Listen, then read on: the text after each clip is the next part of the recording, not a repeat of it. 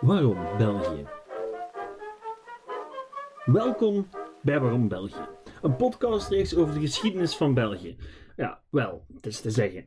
Eigenlijk komt België zoals het vandaag de dag kennen, met Brussel als hoofdstad, tien provincies, drie landstalen en dergelijke meer. Ja, dat komt in de aflevering van vandaag en die van de komende week eigenlijk helemaal niet aan bod. Want dat België, ja, dat werd pas een land in 1830. Wat natuurlijk niet zeggen dat er helemaal niks gebeurd is daarvoor. Integendeel, er is heel veel gebeurd, beetje te veel. In al die jaren voor 1830 kunnen we misschien dat het antwoord vinden op de vraag die me al jaren bezighoudt. Waarom bestaat België? Welkom bij Waarom België. Welkom bij Waarom België. Ik ben Tim Gesselink, een leerkracht geschiedenis met te veel tijd om handen. En die tijd die ga ik gebruiken om samen met u, de eventuele luisteraar, een antwoord te zoeken op de vraag: waarom België? Goed, laten we beginnen met een andere vraag en eentje waar velen van jullie nu misschien al mee zitten. Waarom een podcast over de geschiedenis van België? Want wie is daar nu eigenlijk geïnteresseerd? En ja, waarom zou die jou moeten interesseren? Ik heb enkele antwoorden op die vraag. Laat mij beginnen met het antwoord dat elke geschiedenisleerkracht geeft als een van zijn puberale aanhouders luidkeels uitroept: Maar meneer, waarom moeten wij dat kennen? Wel, vaak zal die leerkracht dan het volgende zeggen. Die zal zeggen: Wel, omdat het helpt om vandaag te begrijpen. Nu, ja, dat is een cliché-antwoord, maar zoals met heel veel clichés zit er wel degelijk een grond van waarheid in. Wie België vandaag wil snappen, ja, die vindt zijn antwoorden maar al te vaak in het verleden. De multiculturele samenleving, onze verwarrende staatsstructuur, waarom we in godsnaam nog een koning hebben, ja, al die vragen die hebben hun antwoord ergens in dat chaotische, verwarrende en heel erg saai lijkende Belgische verleden. Nu, laat dat net het grootste probleem zijn van de Belgische geschiedenis. Ze lijkt vreselijk saai en ze is vreselijk verwarrend. Het is vaak moeilijk om door het bos de bomen nog te zien, om eigenlijk nog te beseffen wat nu belangrijk is aan heel dat onding. Maar daarom is deze podcast hier. Omdat ik hartstochtig geloof dat de Belgische geschiedenis uitzonderlijk boeiend is, en alleen al omdat die zo boeiend is, wel een podcast waard is. Dat is reden nummer twee. Al begrijp ik dat dat misschien wel moeite zal kosten eer je daarvan overtuigd bent. Maar uiteindelijk draait deze podcast vooral om reden nummer drie. De waarom-vraag. Want ja, ik ben in grote mate nog steeds een vijfjarig kind. Een vijfjarig kind dat altijd dezelfde vraag opnieuw en opnieuw stelt. Waarom? En weet je, ja, als ik naar dat Belgelandje van ons kijk, dan duikt dat woord waarom heel sterk op. Wat is de verklaring voor een land dat op internationaal vlak weinig voorstelt, ingesloten is tussen grotere landen, amper leger heeft, vaak op barsten staat en eigenlijk geen eigen identiteit heeft als we de duivels niet spelen? Waarom bestaat dat eigenlijk? Meer nog, waarom heeft het ooit bestaan? Waarom bestaat een land dat eruit ziet alsof het zichzelf steeds opnieuw aan het uitvinden is? België lijkt een beetje zoals de koterij achteraan de tuin, waar generatie na generatie een stukje bijgebouwd heeft, om uiteindelijk ja, te blijven zitten met een amalgaam van baksteen en gietijzeren platen, waarvan niemand eigenlijk weet hoe het in elkaar zit. Dat is België. Dat is België voor mij. En wij Belgen zijn daar over het algemeen heel goed aan gewend. Want laten we eerlijk zijn, we trekken onze neus al lang niet meer op voor een regeringscrisis meer of minder. En het simpele feit dat we zes regeringen hebben voor een minuscuul grondgebiedje, ja, vinden wij ook normaal. En dat Brussel een ongelooflijk vreemd ding is, ja, daar gaan wij gewoon over. Wij negeren Brussel collectief omdat niemand Brussel begrijpt. Goed, tot terug tot mijn vraag. Waarom bestaat België dan? Hebt u het zich ooit al afgevraagd? Nee? Oké. Weet u, weet u, misschien kan u het oplossen in 10 seconden. Klaar? Oké. 3, 2, 1, start. Hmm. Is goede koffie.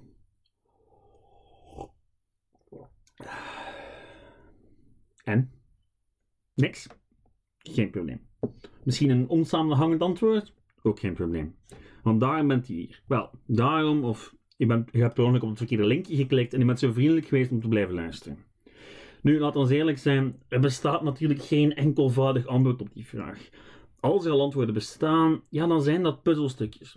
Puzzelstukjes die je één voor één op zijn plek moet zetten, voor je echt een beeld krijgen kan van hoe het nu eigenlijk in elkaar zit.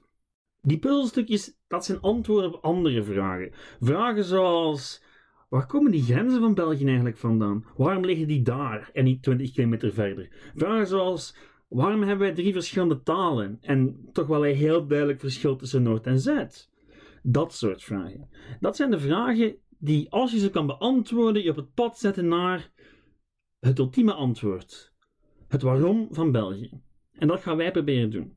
Elke aflevering draait om één van die vragen. En op het einde van de rit zouden we min of meer de hele geschiedenis van wat ooit België zou worden gehad hebben. De pre-Belgische geschiedenis, zeg maar. Tot en met de Belgische revolutie. En tegen dan bestaat België en hebben we hopelijk ook een antwoord op de titelvraag. Ik kan nu al een tipje van de sluier oplichten. Er zijn drie zaken die altijd opnieuw de kop gaan opsteken. Die altijd opnieuw gaan bepalen wat er gebeurt met wat we nu België noemen. En het zijn altijd dezelfde drie. Soms is het eentje die de doorslag geeft, maar vaker wel niet werken ze samen. En is het onmogelijk om te weten waar de ene begon en de andere eindigde. Hier zijn ze. Interne politieke ontwikkelingen, internationale politiek en misschien wel de belangrijkste, toeval. Ja, stom toeval. U wil niet geloven hoe belangrijk stom toeval is in de Belgische geschiedenis. De volgende afleveringen gaat u dat zien. Het is ongelooflijk hoe belangrijk toeval wel was. En dat is eigenlijk nu al de eindconclusie van deze hele reeks. België is een ongeval. Ja, ja, België is een accidentje. België is een ongewild kind dat er aarde kwam door een combinatie van eeuwenlange culturele, politieke ontwikkelingen, eh, een koppige koning en de Polen. Nu, die Polen, dat is voor later, zo rond aflevering 10. Nu, maar goed, ik weet het dus al. Een beetje toch. Waarom dan nog 10 afleveringen zoeken naar het waarom van België? En hoe relevant is dat eigenlijk? Want kan je die vraag niet voor elk land stellen? Is niet elk land min of meer een ongeval? Ehm, wel, ik vind van niet. Ik, lieve luisteraar, die niet heel belangrijk ben, maar ik, ik vind in elk geval van niet. En u moet het niet met mij eens zijn, maar ik vind oprecht dat het ontstaan van België in vergelijking met van vele andere landen, denk aan Amerika, denk aan Engeland, denk aan Frankrijk, Duitsland enzovoort, dat in vergelijking daarmee, ja, het ontstaan van België een soort van onbevlekte ontvangenis was. Uit het niets. En dat de waarom-vraag daarom ook veel relevanter is bij België dan bij pakweg Frankrijk, Noorwegen of China. Nu, er zijn er nog hoor. Je hebt ook landen zoals Luxemburg, Slowakije en Andorra, die ook schijnbaar dit niets verschenen zijn. Maar voor heel wat landen, en al zeker in Europa, ja, is er een waarom.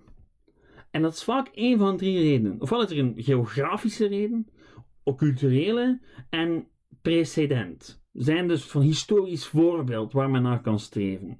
Nu, die derde heb ik een beetje zelf verzonnen, maar het klopt wel. Nu, natuurlijk staan die dingen niet los van elkaar, ze sluiten aan. Maar vaak begint het met een bepaald territorium, een bepaald grondgebied. En wat heeft een grondgebied? Dat heeft grenzen. En vaak heeft zo'n territorium natuurlijke grenzen. Grenzen waardoor, waardoor mensen binnen een bepaald grondgebied zitten en dus wel met elkaar moeten gaan handelen, moeten gaan babbelen. En wel moeten op termijn samen een land gaan vormen. Een voorbeeldje van natuurlijke grenzen: Noorwegen. Ziet u het al? In uw geestesoog Noorwegen? Wel, twee natuurlijke grenzen, heel makkelijk. De zee in het westen, een bergketen in het oosten. Simpel. Groot-Brittannië, de zee. Makkelijk opgelost. Italië, de Alpen in het noorden en de zee rondom. Maar probeer dat eens toe te passen, die natuurlijke grenzen, op België. Dan wordt dat een beetje moeilijk. Ja, tuurlijk, er is de zee in het westen, maar voor de rest, ja, zou het eigenlijk logisch zijn, moest wat nu België is, gewoon deel uitmaken van Frankrijk. En laat dat toevallig exact zijn wat de Fransen ook dachten. Of we het nu hebben over Philips de Schone, Louis XIV of Napoleon, allemaal hebben ze geprobeerd om dat stukje België in te lijven bij Frankrijk. Om de Franse grenzen uit te breiden tot aan de Schelde in het noorden en de Rijn in het westen. Wat dus wil zeggen dat ja, België gewoon deel van Frankrijk zou moeten zijn. Dat is niet gelukt. Het is u misschien al opgevallen. En waarom is het niet gelukt? Wel, internationale politiek, interne evoluties in België en natuurlijk ook stom toeval. U herinnert zich die drie dingen misschien nog als een ja, als een van de redenen, de grote drie redenen waarom België in godsnaam eigenlijk bestaat. Goed, los daarvan. Feit is dat zo'n geografische zone, daaruit vloeit het culturele voort. En als men binnen dezelfde regio ligt, dan gaat men met elkaar in contact komen en gaat er iets groeien. Taal, gebruiken, kunst, enzovoort enzovoort. En ja, België 1830 had niet echt een nationale cultuur. Er bestond iets, uh, en dat zou na de revolutie wel gaan vloeien, eens met er belastingsgeld in kon pompen. Maar het enige wat men had, was een soort van gemeenschappelijk gevoel. Omdat men eeuwenlang onder andere naties had geleefd. Dus op cultureel vlak was er al iets, maar er was geen precedent. Nu, met precedent bedoel ik een historisch voorbeeld. Iets waar men naar wijzen kan. Een of andere glorieuze voorganger van de staat die het bestaan ervan vandaag legitimeert. Denk bijvoorbeeld aan Italië, wel het Romeinse Rijk. Een groot historisch voorbeeld. Frankrijk heeft Karel de Grote, Clovis. China heeft een hele race aan dynastieën en keizers. En België, uh, ja, naar welk glorieus moment in de geschiedenis wijzen wij? Wat is het precedent van België? Ja, er zijn er wel. En we gaan er zeker over praten in de komende afleveringen. Maar bij elk van die grote momenten uit de Belgische geschiedenis kan je wel vraagtekens zetten of dat dan echt wel het begin was van wat wij vandaag België noemen. En of die mensen in godsnaam Belgen waren. Uh, ambiorix, om maar iemand te noemen. Maar dat is voor straks. Nu, er zijn heel veel van die voorbeelden waarbij men na 1830 gaat proberen om een soort van glorieus verleden voor dat Belgeland te gaan construeren. Om het land een begin te geven dat veel verder terug in 1830. Om dat land een waarom te geven. Goed, een kleine kanttekening. Uh, dit bovenstaande relaas is een beetje eurocentrisch. En eerlijk waar, dat gaat gelden voor de hele podcast, min of meer. Uh, alles wat ik hier beweer, kan je eigenlijk enkel toepassen op Europa en bepaalde deze delen van Azië en Noord-Afrika. In Afrika, Azië en Amerika heeft het kolonialisme en imperialisme een grote rol gespeeld. En ja, alles wat ik hier zit verkondigen, telt daar eigenlijk niet voor. Nu, ja, ik zou er eigenlijk een heel andere geschiedenispodcast aan kunnen wijden, maar dat is voor later. De focus van dit verhaal ligt nu eenmaal de naal van Europa, op België. En op het waarom ervan. Laten we beginnen bij het begin wanneer dat ook zijn mag. Want dat is eigenlijk echt wel een hele moeilijke discussie. Wanneer België begint, ja, daar zijn heel veel verschillende meningen over. Um, sommige mensen zeggen Ambiorix, anderen zeggen de Romeinen, anderen zeggen nog de Bourgondiërs, keizer Karel, de Oostenrijkers, Napoleon, de Boerenkrijg. Um, allemaal kanshebbers. En ja, we gaan ze allemaal bespreken in de komende tien afleveringen. Want eigenlijk zijn al die verschillende punten wel ja, een zeker begin voor iets dat België is. Ehm, al weet ik eigenlijk ook niet goed wat België is. België is een staat met een regering die we soms hebben en die af en toe functioneert, met een bepaalde cultuur, met een voetbalploeg. België is heel veel dingen. En heel veel van die dingen die zijn apart van elkaar ontstaan. Die zijn langzaamaan gegroeid. En die veranderen ook de hele tijd. Vroeger waren de Rode bijvoorbeeld heel slecht. En nu zijn die heel goed. En binnen een paar jaar waarschijnlijk weer heel slecht. Dus er zijn alles veranderd. Maar wat was er dan eerst? Waar, of beter gezegd, wanneer begint België dan? Ja, de staat, met dat parlement en, en die belastingen, die ziet het licht pas in 1830. Maar het grondgebied, en misschien als de cultuur van wat later België zou worden, ja, die hebben wortels die tot veel langer geleden kunt gaan dateren. En in die eerste paar afleveringen gaan we dus op zoek naar het begin van België. En dat is een zoektocht die ons op een heel oppervlakkige trip door een belangrijk deel van de pre-Belgische geschiedenis meeneemt. Van keizer naar keizer Karel tot de Oostenrijkers, Napoleon, Willem I, om te eindigen met de Belgische Revolutie en het ontstaan van het glorieuze België. Maar vandaag doen we nog één ander beginnetje. Eentje maar. Vandaag hebben we het over de naam België. Ik ga ervan uit dat u wel al weet waar die naam vandaan komt. Dat u mij nodig heeft om u te vertellen dat die naam iets te maken heeft met een zekere Julius Caesar of Caesar, en dat die gebruikt wordt voor een of andere stam. Een stam die ja, waarschijnlijk rondliep ergens in deze contrij. Goed, die stam, die was hier inderdaad in de periode dat Julius Caesar probeerde om Gallië te veroveren. Gallië zijnde min of meer wat we vandaag als Frankrijk en omstreken zien. En omdat de Romeinen nu eenmaal veel waarde hechten aan boekhouding en propaganda, hield onze vriend Caesar ook een schriftelijke neerslag van zijn wedervaren bij. Oftewel, de Commentarium in Gallia Gestarum, beter bekend als de Bello Gallico. Oftewel, commentaren over de Gallische oorlog. En Caesar schrijft daar heel veel in over zijn oorlogen en hij schrijft daar ook dat ene zinnetje dat u kent. Het zinnetje zijnde, de Belgen zijn de dappersten der Galliërs. En dat, lieve luisteraars, is de eerste vermelding van de Belgen in de geschiedenis van de mensheid. Van ons dus, hoera! Nu, wat er zelf bij verteld wordt, is hoe dat zinnetje verder gaat. Want dat is echt alleen maar het eerste deeltje. Het zinnetje gaat als volgt verder. De Belgai zijn de dappersten van allemaal, omdat ze het verst verwijderd zijn van de cultuur en de beschaving van de provincie, en er slechts zeer zelden kopelui dingen komen brengen die bijdragen tot de verwekelijking van de geesten, en omdat ze vlak bij de Germanen liggen die aan de andere kant van de Rijn wonen, en met wie ze voortdurend oorlog voeren. Hebt u dat? Of, hoe vrij vertaald onze Jules zegt, ja, de Belgen zijn de dapperste omdat het gewoon wilde zijn. Er komt daar nooit uh, een goede wijn of een lekker parfumpje naartoe. En ze vechten constant met de Duitsers. Dus ze zijn onbeschoft en onbeschaafd en daarom zijn ze zo dapper. Goed, nu weet je ook al dat Caesar's analyse dat je die misschien wel met een paar zakken zout nemen moet. Want nee, Caesar was geen antropoloog die probeerde om op neutrale en wetenschappelijke wijze de volkeren van Gallië in kaart te brengen.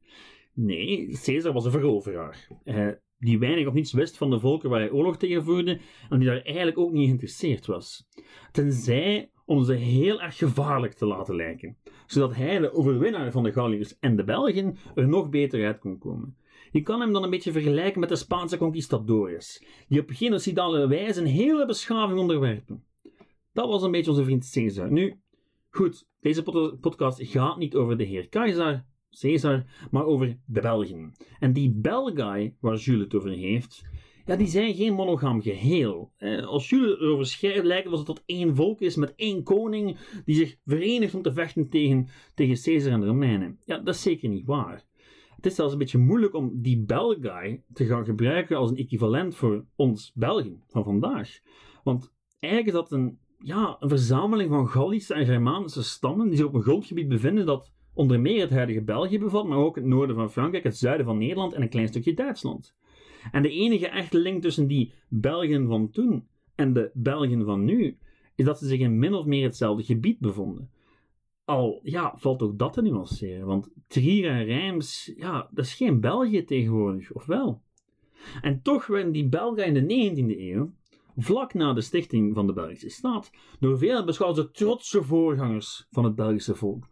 En werd die Bello Gallico zo selectief mogelijk gelezen, zijnde eh, enkel het begin van de zin gebruiken, om toch maar de Belgen er zo goed mogelijk uit te laten komen.